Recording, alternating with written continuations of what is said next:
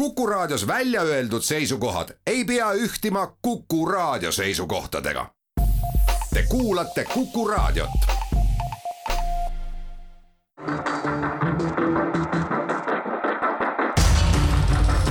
muuli ja Aavik. muuli ja Aavik. tere päevast, kell on seitse minutit üle üheteistkümne ja nagu reedeti sel kellaajal ikka algab saade Muuli ja Aavik, stuudios on ettevõtlus- ja IT-ministri nõunik Kalle Muuli ja Mart Jaavik. no tere! räägime täna esimese teemana punamonumentidest, millest meil on siin varemgi juttu olnud, aga sel nädalal on siis eriti aktiivseks läinud äh, sõnavahetus esiotsa, mitte teod, aga sõnavahetus Narva tanki ümber ja üldse Narva linnavõimu soovimatuse äh, üle siis tänane, tänavanimesid muuta ja, ja ja Eesti võimu seal maksma panna. teiseks räägime sellest, et pärast seda, kui Venemaa oma enda reisimispiiranguid on muutnud, on saanud Eesti ja veel suuremal määral siis Soome Vene turistide transiiditeeks ja mõlemas riigis on tekkinud suured küsimused, et et mismoodi siis nii, et, et meil on ju tegemist agressioonisõda alustanud riigiga ja ja vaidluse koht on siis see, et kui palju peab, peab see tavaline kodanik Venemaalt seda tundma, et et nende riik on tegemas midagi väga halba. kolmandaks räägime Euroopa Liidu energeetikaministrite otsusest äh, vähendada gaasitarbimist viieteist protsendi võrra vahemikus esimene august kuni kolmekümne esimene märts, no rohkeid erandeid tehti seal ja ja eks Ungari suutis ka ennast näidata. ja neljandaks räägime erakondade reitingutest, juhtunud on siis see, et koalitsiooniga liitunud erakonnad mõlemad, nii Isamaa kui sotsiaaldemokraadid, on saanud eh, küsitluste järgi toetust juurde ja parlamendist praegu väljas olev Eesti kakssada on oma nagu mõõdetud tipphetkedest oluliselt allapoole kukkunud. ja viiendaks äh, räägime selle suve ühest sellisest menuteemast, kui vanasti olid ikka kartulivaardikad ja sinivetikad uudistevahelisel ajal jutuks, siis siis nüüd on selleks saanud äh, elektritõuksid ja, ja täna räägime sellest seoses Stockholmi otsusega äh, tõukside sõit kõnniteedel ära keelata, ehk siis trahvida neid, kes seda teevad. muuli ja Aavik. aga räägime siis punamonumentidest, mõni saade tagasi kiitsin siin kohalikke omavalitsusi, et äh, väga agaralt, usinalt ja kiiresti võetakse äh, neid monumente maha, äh, maetakse juhul, kui seal on hauad siis äh, need kunagised langenud ümber kalmistule ja ja, ja puhastatakse Eestimaad sellest äh, tohutust saastast, mis ikkagi kolmkümmend aastat pärast iseseisvumist siin alles on. aga noh, kõik ajal ei lähe see nii libedalt ja, ja kui jääda loota kohalike omavalitsuste peale, siis kindlasti on, on neid kohti, kus selliseid otsuseid tuleks ka kolmesaja aasta pärast, et äh, üks selliseid paiku on siis Narva kus äh, linnavõim on teatanud, et äh, ei kavatsegi seal Nõukogude äh, okupante või okupatsiooni sümboliseerivat Vene tanki, tankimonumenti maha võtta, aga noh, kui vaadata ka linna sisse, siis seal on mõrtsukate nimelised tänavad ja ja kahekümne kuuenda juuli tänav on samuti Narvas veel olemas. Ja see kahekümne kuues juuli siis tähendab seda päeva, millal Vene väed vallutasid Narva ja, ja nii edasi, nii edasi. et äh, Tallinna Maarjamäe memoriaal on vast teine koht, mis umbes samasugust äh, tähelepanu pälvib ja, ja mis samasugust võib-olla kohaliku võimu äh, vastuseisu üles näitab, aga, aga seal võib-olla siis leebemas vormis ja, ja ja noh, selliste looritatud vaidluste taustal. Jaa, iseenesest on äh, selle Narva peale mõtlemine alati niisugune valulik, sellepärast et et kui sa mainisid seda niinimetatud vabastamise päeva, siis neile, kelle juured on moel või teisel Narvast, on see ju kõik selle, nende sündmuste algus, kus terved perekonnad ja suguvõsad olid sunnitud oma vara ja kodud maha jätma ja neid sisuliselt ei ole olemas, et see linna praegune seis on ju Eesti inimeste jaoks kes on hinges Narvaga moel või teisel seotud, ikkagi, ikkagi nagu hävingu tunnistaja. ja sama, see Narva tank on nagu solvang äh,, nagu pidev solvang. Ja minu meelest tuleks siis sellest Narva linnavõimust kuidagi mööda minna, et me võime ju Katri Raiki mõista, et et tema püsimine seal Narva linnapeana on on üks paras niisugune poliitiline köielkõnd, aga eks see tanki ümber olek jällegi näitab seda, et, et milline see inimeste meelsus on. Ja noh, mingit tõde, tõde on ju selles ka, et, et ka võib mõista ka seda küsimust, et, et kas meil on vaja nüüd seda tanki tanki asja praegu üles tõsta, no ma leian, et millal siis veel? et, et ma leian ka, et millal siis veel, et et lõpuks tuleks saada ikkagi maa puhtaks nendest, nendest niisugustest solvavatest ja, ja, ja lõppkokkuvõttes ju ajalooliselt ebaõigetest märkidest, eks ole, et see on Eesti, Eesti, Eesti, eestlaste maa noh, Katri Raik ütles vist täna ilmunud intervjuus sellise lause, et meie venelane ei ole süüdi, et sõda algas. no loomulikult ei ole siin elav venelane selles süüdi, et sõda algas ja keegi ei ole ju Narva venelasi ka selles süüdistanud. ega see, kui me ristime oma või, või nimetame oma Eesti riigis asuvad tänavad äh, ümber, ma ei tea,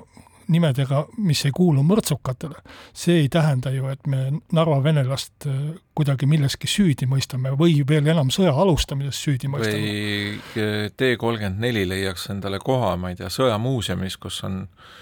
tema õige koht, äh, mis sellest siis oleks? ma, ma arvan, et see juba iseenesest näitab seda, et on nagu hirm, et ühe Äh, sõjamasina kõrvaldamine maanteeservast äh, tekitab mingisuguse konflikti. see ju ongi tegelikult äh, sümptom sellest probleemist, mis meil on, et sellest sõja ülistamisest ja ja Eesti okupeerimise ülistamisest tuleb lahti saada? no konflikti ta kindlasti tekitab, aga miks me peaksime seda konflikti kartma, et kas, kas siis ongi niiviisi, et kui kuskil on mingi putinist, siis me ei tohi temaga konflikti minna mitte mingil juhul. et kui, kui äh,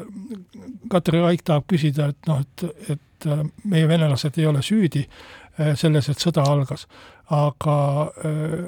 ma arvan, et nad on kindlasti süüdi selles, et nad on putinistid ja selle sõja toetajad, juhul kui nad tõesti näevad seda, seda tanki sellise väärtusliku sündmuse, sümbolina ja nii edasi. et inimesed oleksid, kui nad on kolmkümmend aastat elanud iseseisvas Eestis, hoopis teises riigis, ma saan aru, et nad on tulnud Nõukogude no, Liidust küsimus, ja me kõik oleme tegelikult tulnud küsimus, Nõukogude Liidust. aga, aga, aga ongi selles, et, et kas me näeme seda minevikku, eh, seda sõda, eh, lahinguid Sinimägedes eh, ja Narva purustamist kui inimlikke kannatusi ja tunnistame, et loomulikult oli see, tähendas see kannatusi ka sellele lihtsale või no ma ei tea, kuidas kõlbab kannatuseks nimetada, et me teame, et kui palju seal ka neid Vene sõdureid maamullas on. et üks asi on inimlik väärikas käitumine lahkunutega ja mõtlemine selle peale, mida sõda tähendab, teine asi on selle ülistamine äh, sisuliselt nagu no ma ei tea, kui siin keegi on rääkinud relvade täristamisest, siis see tank seal võib-olla staatiliselt seistes ei tärise, aga aga sisuliselt on ta ju selline meeldetuletus, et sisuliselt olemuselt on ta üks niisugune Nõukogude stamm element, mida oli mitmel pool maanteede ääres ja mida on üle selle endise Nõukogude Liidu vallutatud alade ja Venemaal endal kümnete kaupa sa ei kujuta endast mingisugust kunstimälestist, eks ole, peaks no, olema ma usun, õiges kohas. ma usun, et ega meie sõnelemine siin ja, ja, ja valitsuse sõnelemine Katri Raigiga Tallinn, Tartu linn, vabandust, Narva linnapeaga ei, ei muuda äh, seda asja enam põrmugi. valitsus aga, peaks pigem Katri aga, Raigile appi minema ja tegema selle Katri Raigi eest ära siis. ma mõtlen selle peale, et äh, meil on olnud sellel sajandil kaks suurt skandaali monumentide ümber. üks oli Lihula ja teine oli äh, Tõnismäe pronkssõdur. ja minu meelest ei lahendanud kumbagi neid äh, kohalik omavalitsus. ja, ja vastupidi, kohalik omavalitsus oli nende teisaldamise vastu. Aga ühel juhul saatis Juhan Partsi valitsus äh, kraana Lihulasse ja see viidi ära, rahvas oli väga pahane muidugi selle peale, see oli äh, natsimundris väidetavalt Eesti mees ehkki mm. seal näkku ei ole kirjutatud kellelegi, mis rahvusest sa oled, aga, aga ja, ja teine siis Tõnismäe, kus ka linnavõim, tolleaegne Edgar Savisaare linnavalitsus oli, oli väga kriitiline selle teo suhtes. aga pandi telk püsti, kraana ja, ja veoauto ja viidi see ära ja see oli valitsus, kes seda tegi. ma tegelikult ei saa isegi aru, miks äh, praegu nagu oodatakse või loodetakse, et see peaks kohalik omavalitsus olema, et äh, riigis kehtib Eesti võim ja seda peaks olema võimalik teha. Äh, jah, seadused on vahepeal muutunud, on tehtud sõjaautode seadus ja, ja mingeid muid asju, aga, aga me, me ei saa seda ometi taluda, et kui kuskil on Äh, linn, kus iga kolmas inimene on Vene kodanik ja ta valib endale siis järelikult ka äh, vastavalt oma kodakondsusele äh, linnavalitsejad, kohalikud omavõimud, et need hakkavadki siin siis sellist vene elu edendama. Pole ju tähtsust sellele, et kas Katri Raik oma hinges on, on eestimeelne või venemeelne, kas ta toetab seda sõda või ei toeta seda, kuid kui tegelikult neid sümboleid ikkagi hoitakse ja kaitstakse, siis teod on sellised ja, ja minu meelest peaks valitsus sekkuma äh, ma arvan ka, kas me sellest Maarjamäest jõuame ka natukene rääkida? aga teeme vahepeal reklaamipausi ja räägime siis, meil on veel nelikümmend minutit aega.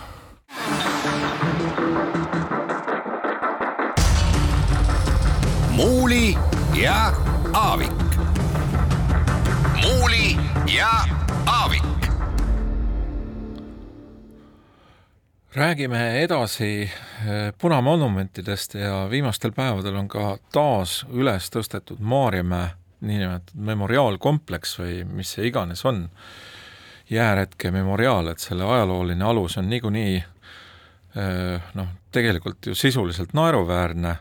aga milleks seda kasutati või milleks, milleks ta põhimõtteliselt loodud oli, oli see, et eh, seal lähedal oli üks äh, Nõukogude sõjaväe õppeasutus ja selle paraalplats ta siis justkui oli. ja kui siin öeldakse, et tegemist ei ole punamonumendiga, no ma ei tea, mul on isiklikud mälestused, et mind sunniti kõikvõimalikele kogunemistele seal kooli ajal sellesse Maarjamäe memoriaali äh, ja muuhulgas kohtusin seal ka Mihhail Gorbatšoviga näiteks, et äh, et minu jaoks on ta ikkagi selline võõrriigi pealesunnitud ideoloogiline objekt. Ja mul ei ole põrmugi kahju, et ta seal laguneb, käin sealt, sõidan sealt rattaga läbi võrdlemisi sageli, noh, võib-olla tõesti võiks ta siis nagu kuidagimoodi selle maastiku seal turvaliseks teha ja nii edasi, aga, aga mida ma Äh, tõepoolest äh, nagu pelgan ja on ilmselt see põhjus, miks siin Tallinna linnavalitsuse plaanidega sinna kolm miljonit eurot kulutada ei ole hooga kaasa mindud, et ma lihtsalt ka kodanikuna, valijana, linnakodanikuna ei kipu seda praegust Tallinna linnavõimu usaldama, et võetakse meie maksuraha kolm miljonit ja vuntsitakse see kuidagi üles mingisuguste nagu veidrate moodsa aja kunstiajaloolaste arusaama järgi, et et need on mida, midagi erilist, et, et me peame oma Eesti maksu, maksuraha kulutama selleks, et Nõukogude eh, halva ehituskvaliteediga objekte eh, üle lakkuda, teha sinna mingisuguseid eh, ime tehnilisi parandusi ja mida kõike veel, et, et iseenesest võiks selle vaateplatvormi teha vaateplatvormiks ja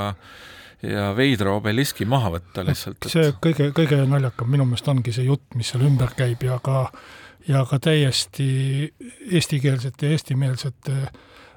kunstiinimeste poolt või, või arhitektuuriinimeste poolt, mõned on, mõned, mõned on seda rääkinud, et me peame mõtestama ja, ja me peame ümber kõige, mõtestama. Kõige karmim teade oli see, et aga see objekt oli Tenetis. ma isegi ja. ei ole kindel, kas ta seal oli, aga, aga mõtle nüüd, üks no. äh, äh, ajaloo äh, prügikasti jääv äh, suvaline action film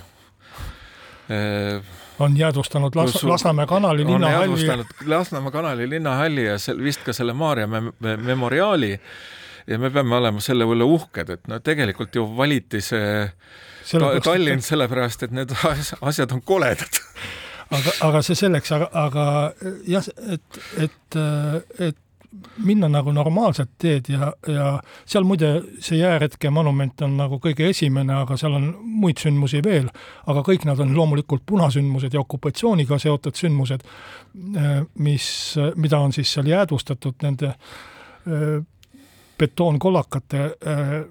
näol. ja, ja nüüd me peaksime hakkama seda nõukogudeaegset jubedust kuidagi kohutavalt ümber mõtestama no,. mis ümber mi? mina laseksin nagu buldooseri, buldooseri seal natuke aega mõtelda. tooge üks näide siis, eh, lugupeetavad, kus see ümbermõtestamine on nii väga õnnestunud, eks ole. et ümbermõtestamine õnnestub tegelikult nendes kohtades, kus inimesed mingisugust infrastruktuuri kasutavad, kus seal on päris elu tekib peale. sinna vähem, vähemalt nende platvormide peale ei teki mingisugust päriselu. no seal on, kõrval on äh, siis äh, kommunismi ohvrite äh, memoriaal, mis on tõesti ilus paik ja, ja, ja väärikalt ja hästi tehtud. ja, ja samuti on seal mõned sõjahauad või noh, paljud sõjahauad, siis äh, Saksa sõjaväekalmistu oli seal, et äh, selge see, et, et et äh, kui see plats on sealt nendest äh, betoontahukatest või Buratino linnadest äh, puhtaks pühitud, et siis tuleb vaadata, et ta ilus jääks ja võib-olla, et sinna siis midagi muud teha, aga seda ei, see, seda seda midagi muud tegemist ei peaks tooma ettekäändeks või ei peaks ka sajandite lõpuni kõiki asju välja mõtlema, eh, kui, kui sa tahad lihtsalt seda koledat betooni sealt kokku lükata, et see on, see on lihtsalt ette, ettekääne asjaga venitamiseks. suhteliselt hea võimalus kasutada ära seda maastikku oleks eh, lubada sinna mingisugu-, mingisuguse ärihoone, mingisuguse tegevuse rajamine. et lõpuks on sinna ka autoga juurdepääs võrdlemisi hea. et seal võiks olla tõesti mingisugune mik-, miks peab mõtlema sellest aegade lõpuni kui mingisugusest maastikuarhitektuuri objektist, et ta võiks olla päris koht päris inimeste päris eluga ja unustaks selle jääretke ja, ja ja Nõukogude ehitusvägede poliitkooli eh, heroiseerimise ära äkki. jah, aga, aga räägime seoses Ukraina sõjaga kerkinud äh, muudest äh, sündmustest ja asjadest veel äh, et Eestist on saanud noh, see, mis võib-olla irooniaga üteldes see, mis me kunagi tahtsime, sild ida ja lääne vahel, kunagi oli väga populaarne rääkida, siis kui me vabaks hakkasime saama, et vot Eesti funktsioon võiks olla selline. tol ajal kujutati ette, et ida muutub sama mõistlikuks kohaks kui lääs ja ja Eesti pidi olema siis sild. nüüd on Venemaast saanud agressorriik, Ameerika Ühendriigid kaaluvad isegi terrorismi toetaja riigi tiitli andmist, selliseid äh, riike on maailmas ainult neli praegu, aga siis oleks Venemaa viies. ja, ja, ja sealt on siis läbi Eesti äh, tulemas äh, suur turistide vool, kellel on siis viisad kas Eestisse või mõnesse teise Euroopa Liidu riiki ja kuna nad peaaegu et muud moodi sinna nendesse riikidesse ei saa, siis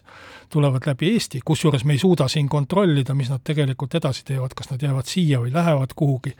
Ja väidetavalt on siin üle kümne tuhande Venemaalt viisaga tulnud inimese juba äh, tekkinud ja kogunenud. ja teine asi on muidugi Vene nafta, mis siis tulvab läbi Eesti sadamate ja millest siis mõned äh, vastutustundetud ärimehed äh, püüavad viimast võtta, noh, eks me neid inimesi tea ja, ja aasta tagasi veel, ma mäletan Keskerakonna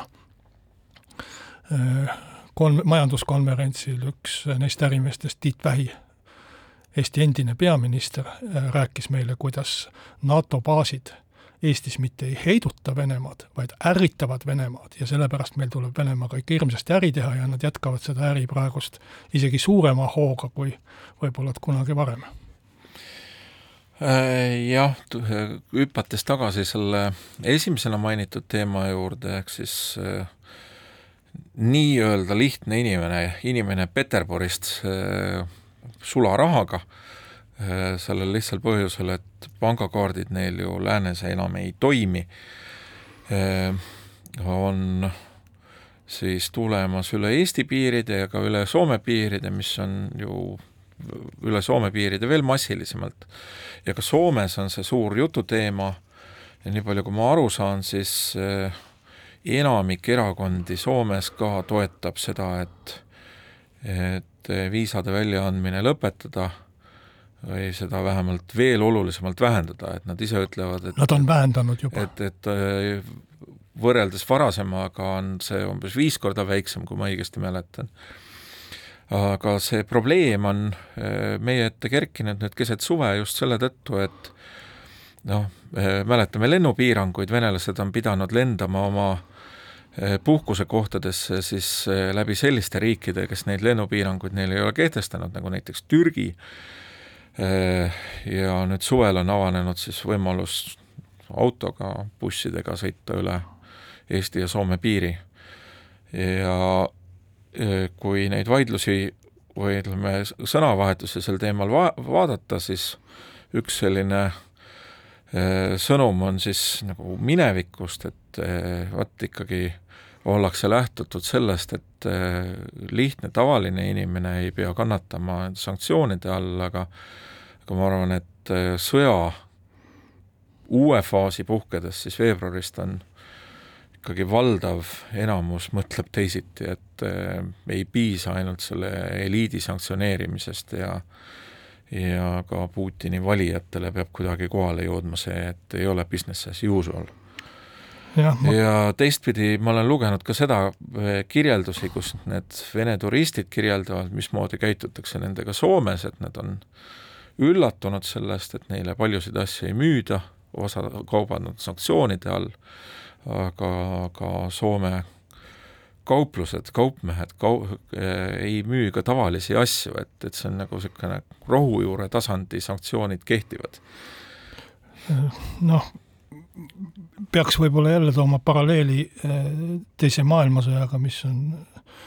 eh, mis on siin nii levinud seoses Ukraina sõjaga ja võrdlema Venemaa ja Saksamaa vahekordi tookord, ma ei tea, kas see on nüüd äh, väga asjakohane, aga, aga kindlasti ei, ei olnud mõeldav tol ajal see, et kui Vene turist oleks läinud äh, tuhande üheksasaja neljakümne kolmandal aastal Saksamaale siis või neljakümne teisel aastal, et siis oleks äh,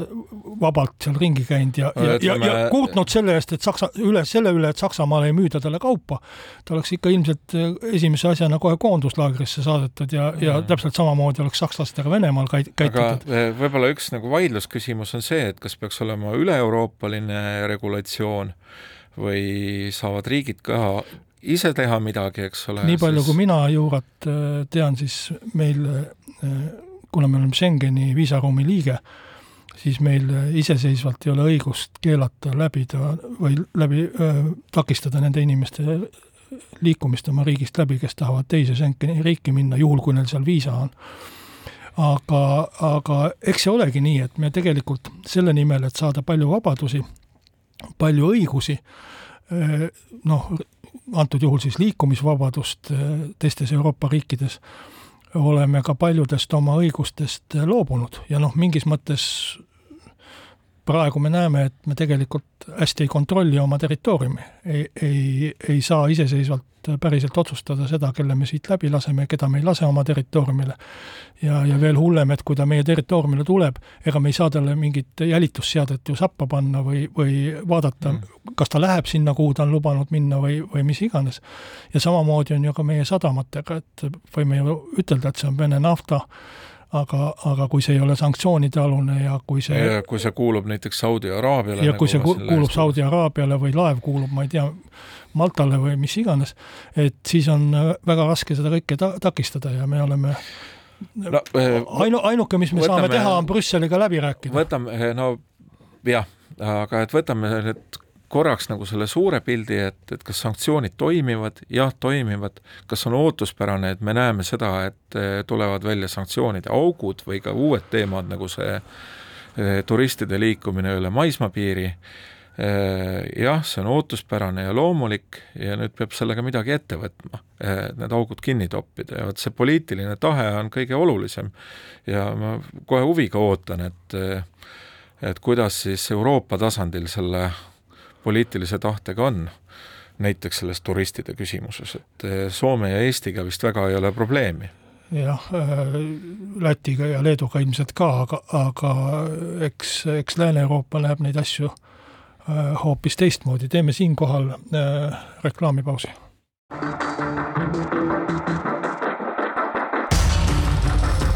muuli ja Aavik. muuli ja jätkame saadet äh, stuudios Kalle Muul ja Mart Jaavik. Äh, räägime Euroopa energeetikaministrite kokkuleppest siis vähendada äh, gaasitarbimist kõikides riikides viieteist protsendi võrra vähemalt. eks see kokkulepe ole nii ja naa suurte eranditega, erandeid tehti siis riikidele, mis pole ühendatud teiste riikide gaasivõrkudega ja ja erandeid tehti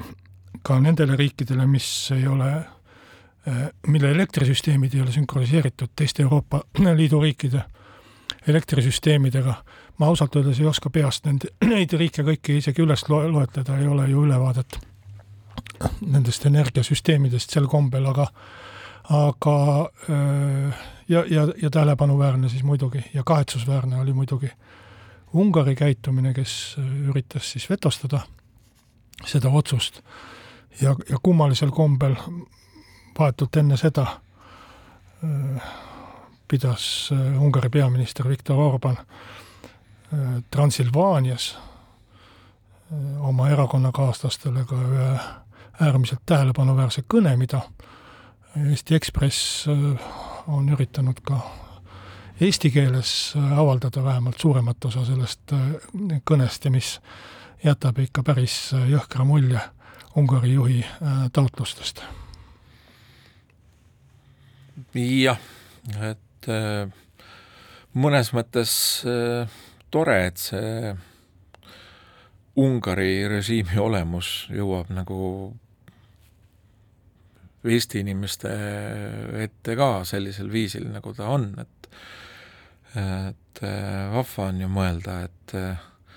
et oled lugenud mingisuguseid jutte George Sorosest, kuidas see on väga paha mees ja et Orban on selle vastu ja kõik eh, nagu kultuurimarksism ja kõik, eks ole, siis hoiame selle Orbani poole, aga aga, aga ei, ei ole ta midagi nii hea liitlane meile. no noh, samas noh, keeruline ongi just sellepärast, et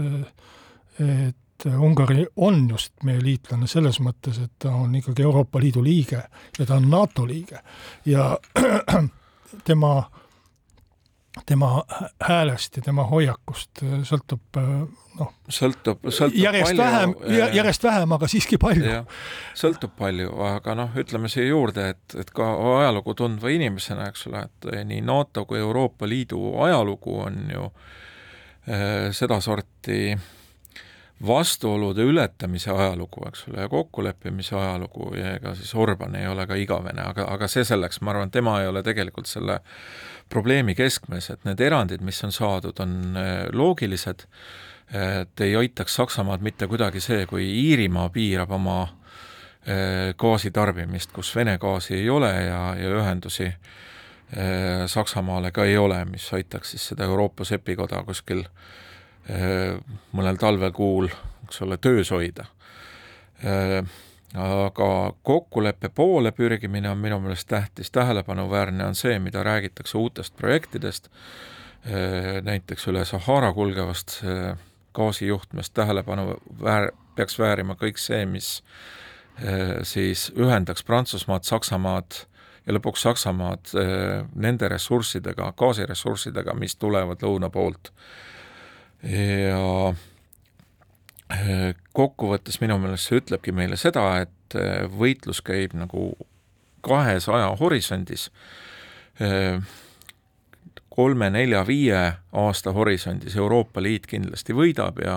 sõltuvus Vene gaasist üldse Vene energiakandjatest läheb kolinal alla, aga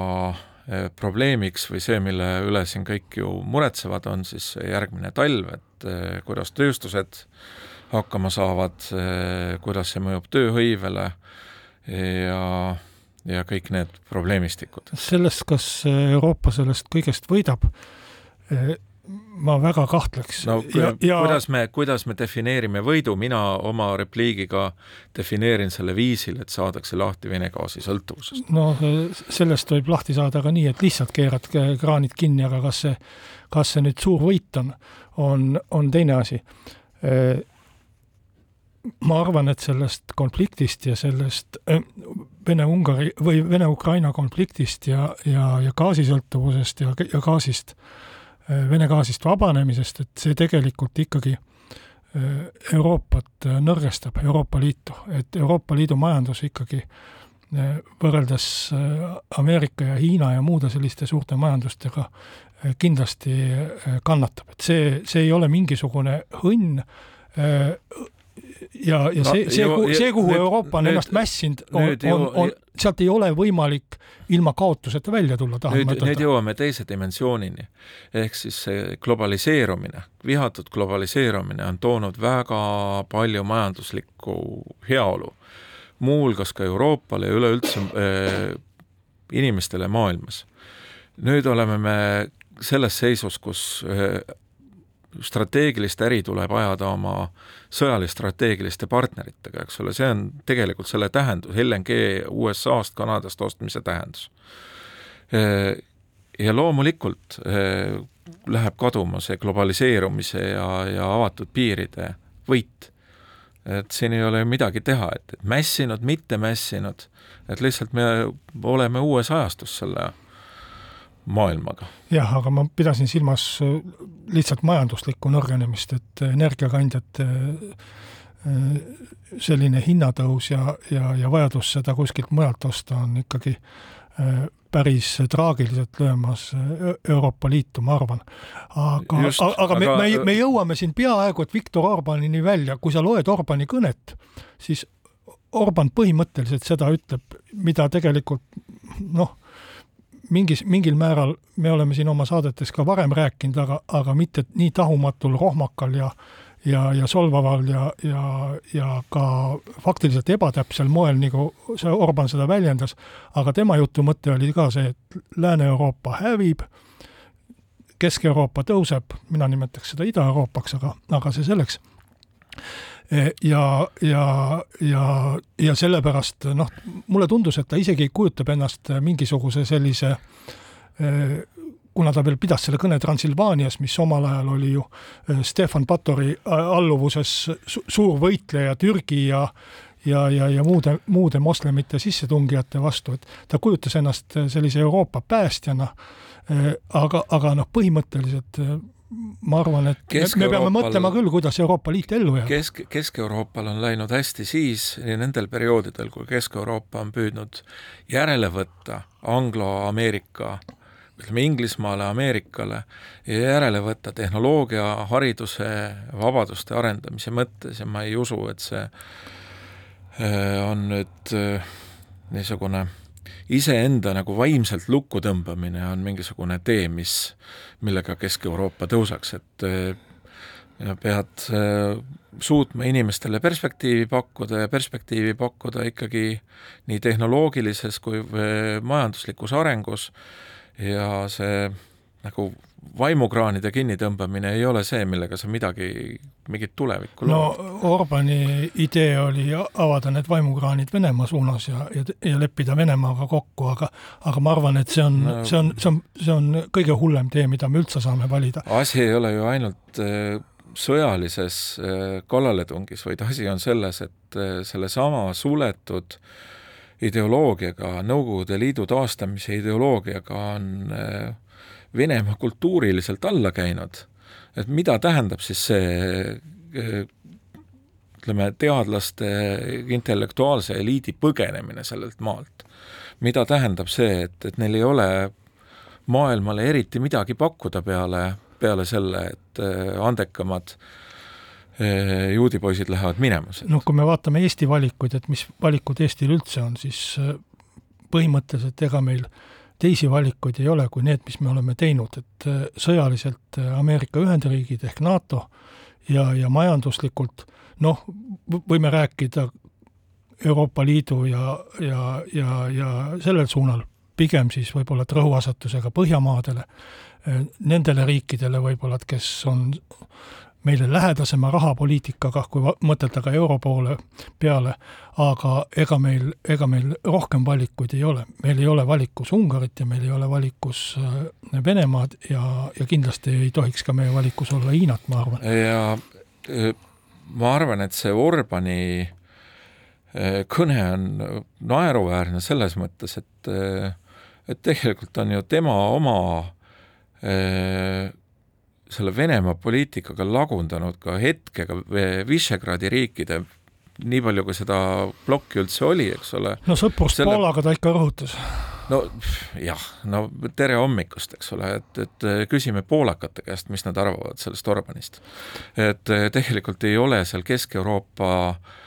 või idapoolse Kesk-Euroopa piirkonnas mingisugusest üksteise usaldamisest eh, midagi järgi, eks ole, ja seda suurel määral tänu sellele, et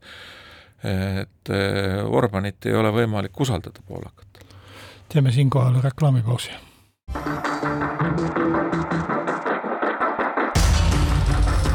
muuli ja Aavik. muuli ja Aavik enne saate algust äh, siinsamas Kuku raadio stuudio eesruumis lugesin Õhtulehte ja sain teada Õhtulehe tänase paberväljaande kaheksandalt küljelt, et Reformierakond vist on saanud endale uue esimehe, Mart Soidro. tasub vaid Kajal korraks puhkusele minna. Äh, jah, et niisugune tore lõbus trükiviga oli seal ja meenutasime Kallega kõiki trükivigu, mida me ei kõlba eetris ette rääkida, aga ja mida aga, ei ole vähe olnud. mida, mida on palju olnud ja mida, mis on nii homeeriliselt naljakad, aga noh, niisugune viisakuspoliitika vist ei, ei luba, peame tegelema enesetsensuuriga. igal juhul Mart Soidro kirjutas ka seal Õhtulehes eh, sellest, et Isamaa reiting on tõusnud ja nüüd, kui ma vaatan reitingutele otsa, siis Eh, mina ütleks niimoodi, et eh, tegelikult uus valitsus on saanud usalduskrediiti juurde, et kui Reformierakonna eh, reiting on olnud siin pikka aega juba vähemalt seal Venemaa Ukraina vastase sõja algusest peale niisugustel ajalooliselt kõrget, kõrgetel tasemetel, siis nüüd on tõusnud ka sotsiaaldemokraatide ja äh, Isamaa populaarsus ja sellise parlamendivälise protestierakonna Eesti kakssada äh, reiting on langenud, et äh, ma ei oskagi siin muud tõlgendust anda kui see, et et äh, inimesed annavad sellele uuele koalitsioonile usalduskrediiti ja ilmselt see vana kolmikliidu mudel ikkagi meeldib, et nii palju, kui ma tean nendest aegadest, kui ma sain nendele äh, täpsematele andmetele ligi äh, uuringutes, kuidas, mis on teised eelistused ja nii edasi, siis tegelikult Isamaal, sotsiaaldemokraatidel, Reformierakonnal on päris suur hulk selliseid inimesi, kes äh, on põhimõtteliselt valmis toetama kas Isamaad, sotse, Isamaad, Reformierakonda või vastupidi, ja ilmselt on ei ole ka suur saladus see, et Eesti kakssada on ju eh, mõnes mõttes kõigi nende konkurente tuleb selle klassikalise sõnumiga, et need poliitikud, kes meil praegu on, et need on kuidagi niisugused pahad eluvõõrad ja vot meie oleme need uued ja teame paremini, kuidas asju teha. nojah, opositsiooni ja valitsusliidu piir on mingis mõttes selline harjumuspärane või see, kus ta on väga kaua aastaid olnud, EKRE asemel lihtsalt vanasti oli Rahvaliit, kelle järeltulija mingis mõttes ju EKRE on. Aga, aga see on iseenesest muidugi väga hea, et, et uuel valitsusel on suurem usaldus kui vanal, sellepärast et ajad ees on keerulised ja, ja kui alustataks tööd ikkagi mingisuguselt äh, väga madalalt usaldustasemelt, siis äh, see kindlasti mõjutaks äh, valitsuse tegevust ka selles mõttes, et väga raske on üldse midagi teha, kui sind ei usaldata. nii et eks näis, kuidas seda usaldust õnnestub nüüd õigustada sügisel ja talvel, aga, aga meil oleks vaja väga kokku hoida ja väga äh, väga sellist äh, ühist tegutsemist äh, soosida. aga mis noh, ma ausalt öeldes ei tahaks rääkida Isamaa reitingust selles mõttes, et see mõjuks kindlasti eneseupitamisena, aga küll ma tahaks rääkida Eesti äh, kahesaja reitingust, mis on siis langenud nüüd nelja kuuga kahekümne ühelt protsendilt kolmeteistkümnele, kui võtta Emori numbrid. Teiste küsitlusfirmade numbrid on, on ligilähedased,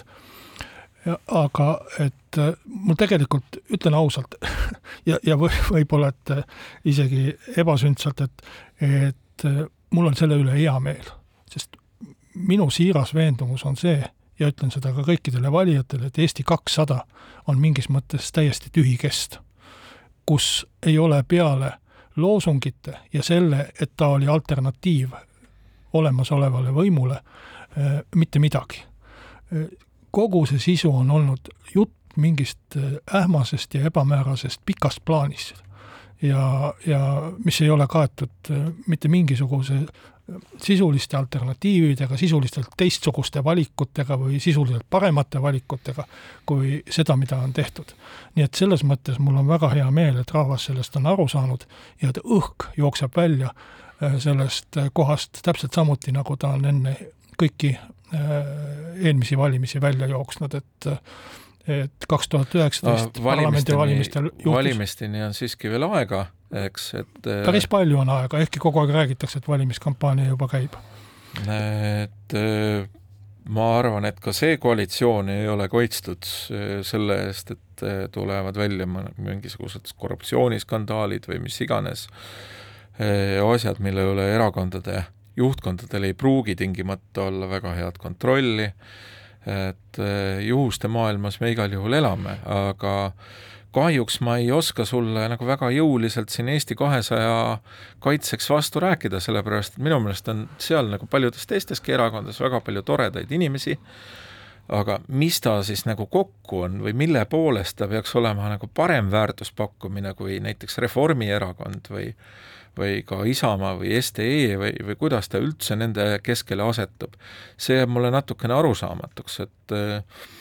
et selge, et et öö, olemasolevaid erakondi saab kritiseerida ja võib kritiseerida ja või noh, mis mõttes võib, loomulikult võib, eks ole, ja, ja ei ole see poliitika nagu selline öö, poliitika ja poliitikkond nagu viimase astme tarkade kogu. aga Eesti kahesajal, kui ta tahaks midagi saavutada, peakski olema selline arusaadav käilakuju, mingisugune äh, isegi kui ta on noh, niisugune Macroni tüüpi populistlik erakond, noh siis peaks seal eesotsas see Macron olema, aga seda ju ei ole. et äh, võib-olla, võib-olla võiks see olla Kersti Kaljulaid, eks ole, kelle poliitikasse tulemisest me siin noh, ausalt öeldes oleme ka parem, kui seda ei juhtuks, sest siis kerkiks jälle küsimus sellest, mis on kerkinud Kersti Kaljulaiu enda suu äh, läbi, et kuidas see läheb kokku heade tavadega, kui sa äh, kasutad tegelikult oma presidendiametisse saadud mingit prestiiži või, või asja, ma ei tea, kas seda prestiiži üldse on, aga, aga üritad kasutada seda olematut prestiiži siis ära eh, päevapoliitikas ja sealt mingite, mingile erakonnale eh, kasu toomises. aga, aga, aga jätaks eh, selle korraks kõrvale, et ma tuleks tagasi sinu jutu juurde, et et valimisteni on palju aega, täitsa nõus. Ja, ja, ja mitte ainult selles mõttes, et igast asju võib juhtuda, vaid ka selles mõttes, et ka siis, kui selliseid erakorralisi asju ei juhtu, mingisuguseid äkilisi suuri skandaale, ikkagi, kui me vaatame kaks tuhat kaheksateist augustit, kahe tuhande üheksateistkümnenda aasta valimiste kontekstis, siis nende kuude jooksul muutus valimiskampaania ajal väga palju, valimiskampaania ikkagi praegu ei ole veel selles mõttes alanud, et pole kandidaate, pole, pole konkreetseid valimislubadusi, mille, mille pärast siis võideldakse ja, ja mida reklaamitakse. et selle aja jooksul ju muutus palju, et ka augustis ma nüüd peast meenutan, oli Eesti populaarseim erakond veel Keskerakond, aga valimiste päevaks oli selleks Reformierakond. Isamaa populaarsus, mida ma kõige paremini mäletan, oli augustikuus umbes neli-viis protsenti, valimispäeval oli kaksteist kohta Riigikogus. et need ja, ja Eesti kakssada samuti, mida me siin juba mainisime, oli ju äh, augustikuus kindlasti äh, kõvasti üle äh, valimiskünnise, ma arvan, et ta võis kuskil kaheksa-üheksa protsendi kandis olla. äh,, valimistel ta üle künnise ei saanud. et äh, me ei saa kindlasti praegust nendest tulemustest teha järeldusi valimiste kohta ega hakata uut valitsust siin kokku panema. aga, aga mida lähemale valimistele, seda, seda rohkem need erakondade reitingud näitavad ka seda, milline see valimistulemus eh, tegelikult on. aga sellega on meie saade siis tänaseks ilmselt lõppenud. Stuudios olid Martti Aavik Kalle Muuli. järgmisel reedel jälle